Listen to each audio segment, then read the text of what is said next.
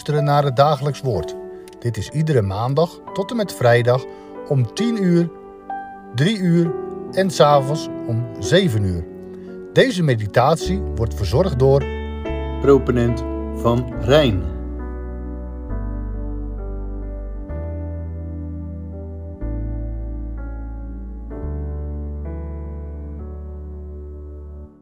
Beste luisteraars, vandaag lezen we uit het boek Deuteronomium en daaruit het 31ste hoofdstuk. En dan lees ik met u en met jullie de versen 1 tot en met 8. En dan lezen we daar in Deuteronomium 31, waarboven staat: Jozua volgt Mozes op. Daarop is Mozes deze woorden tot heel Israël gaan spreken. En hij zei tegen hen: Ik ben heden 120 jaar oud. Ik kan niet meer uitgaan of ingaan. Bovendien heeft de Heere tegen mij gezegd: U zult deze Jordaan niet oversteken. De Heere uw God, hij zal voor u uit overtrekken.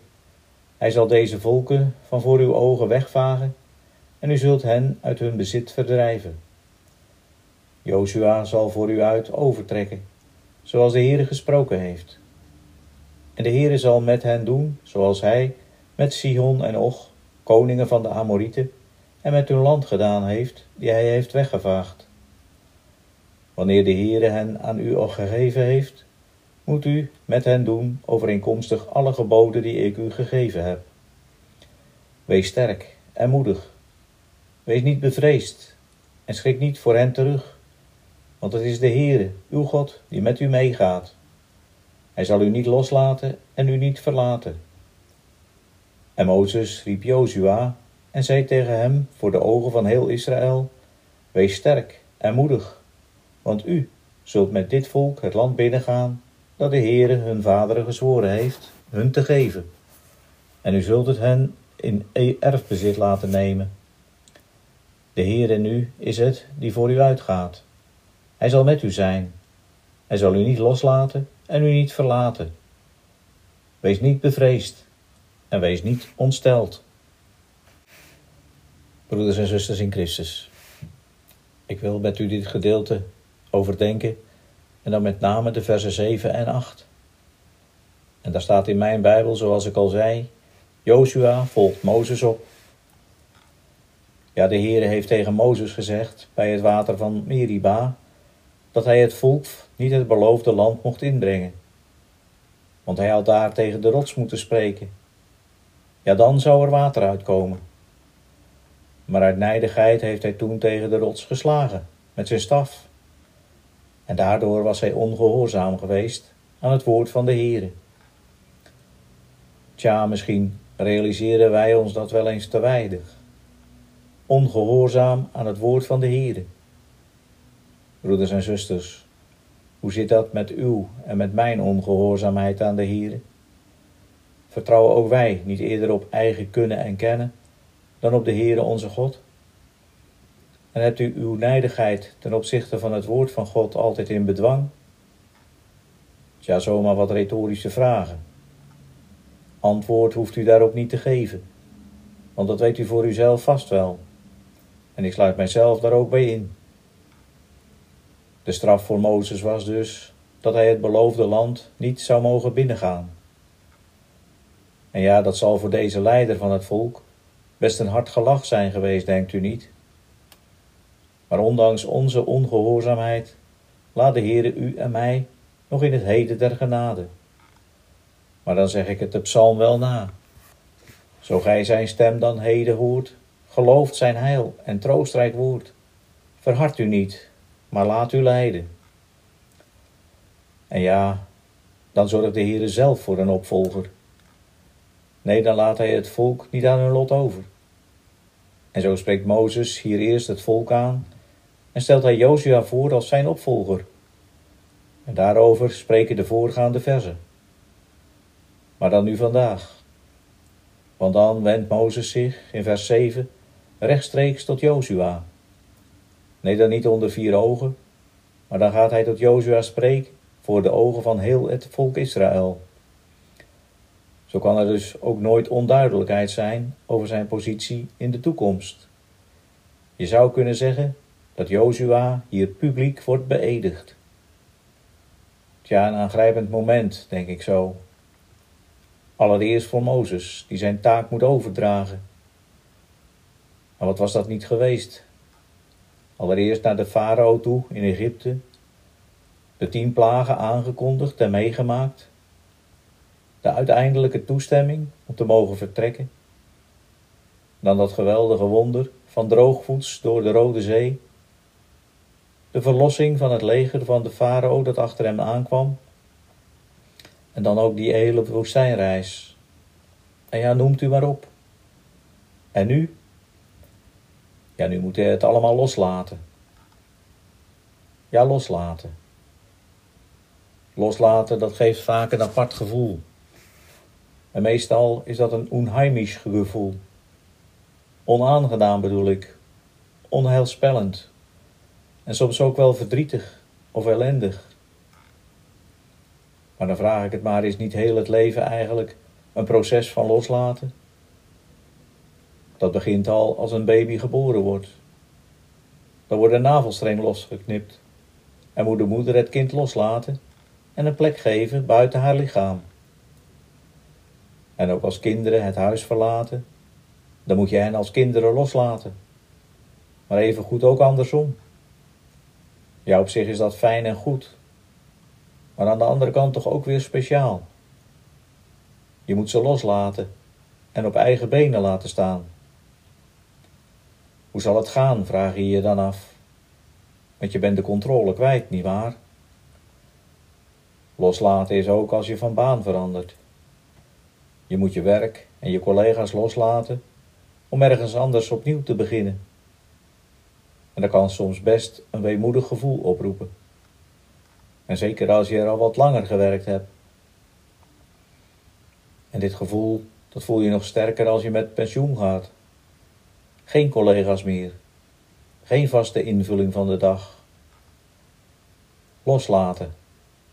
Ja, en dat is nog vaak des te zwaarder en moeilijker als je je man of je vrouw moet loslaten. Of je kind. Of als je zelf voor het einde van je leven komt te staan. En dat je dan je geliefde moet loslaten. Even persoonlijk. Iets wat misschien u wel herkent. En ik herinner me nog heel goed. We stonden aan het sterfbed van Anna-Marie, de kinderen en ik. Ze zou in slaap gebracht worden, want het lijden werd te zwaar. En toen wisten we dat ze niet meer wakker zou worden. Oh ja, het was wel haar diepste wens geworden. Want ze heeft me meerdere keren gevraagd: Maart, wil je bidden of ik mag sterven? Ik wil naar mijn heiland. En dat hebben we toen ook samen gedaan. Want er was vrede. Ze had het proces van loslaten al doorgemaakt, ondanks dat we zielsveel van elkaar hielden. En samen hebben we toen Psalm 121 gelezen aan haar sterfbed en gebeden tot de Heere.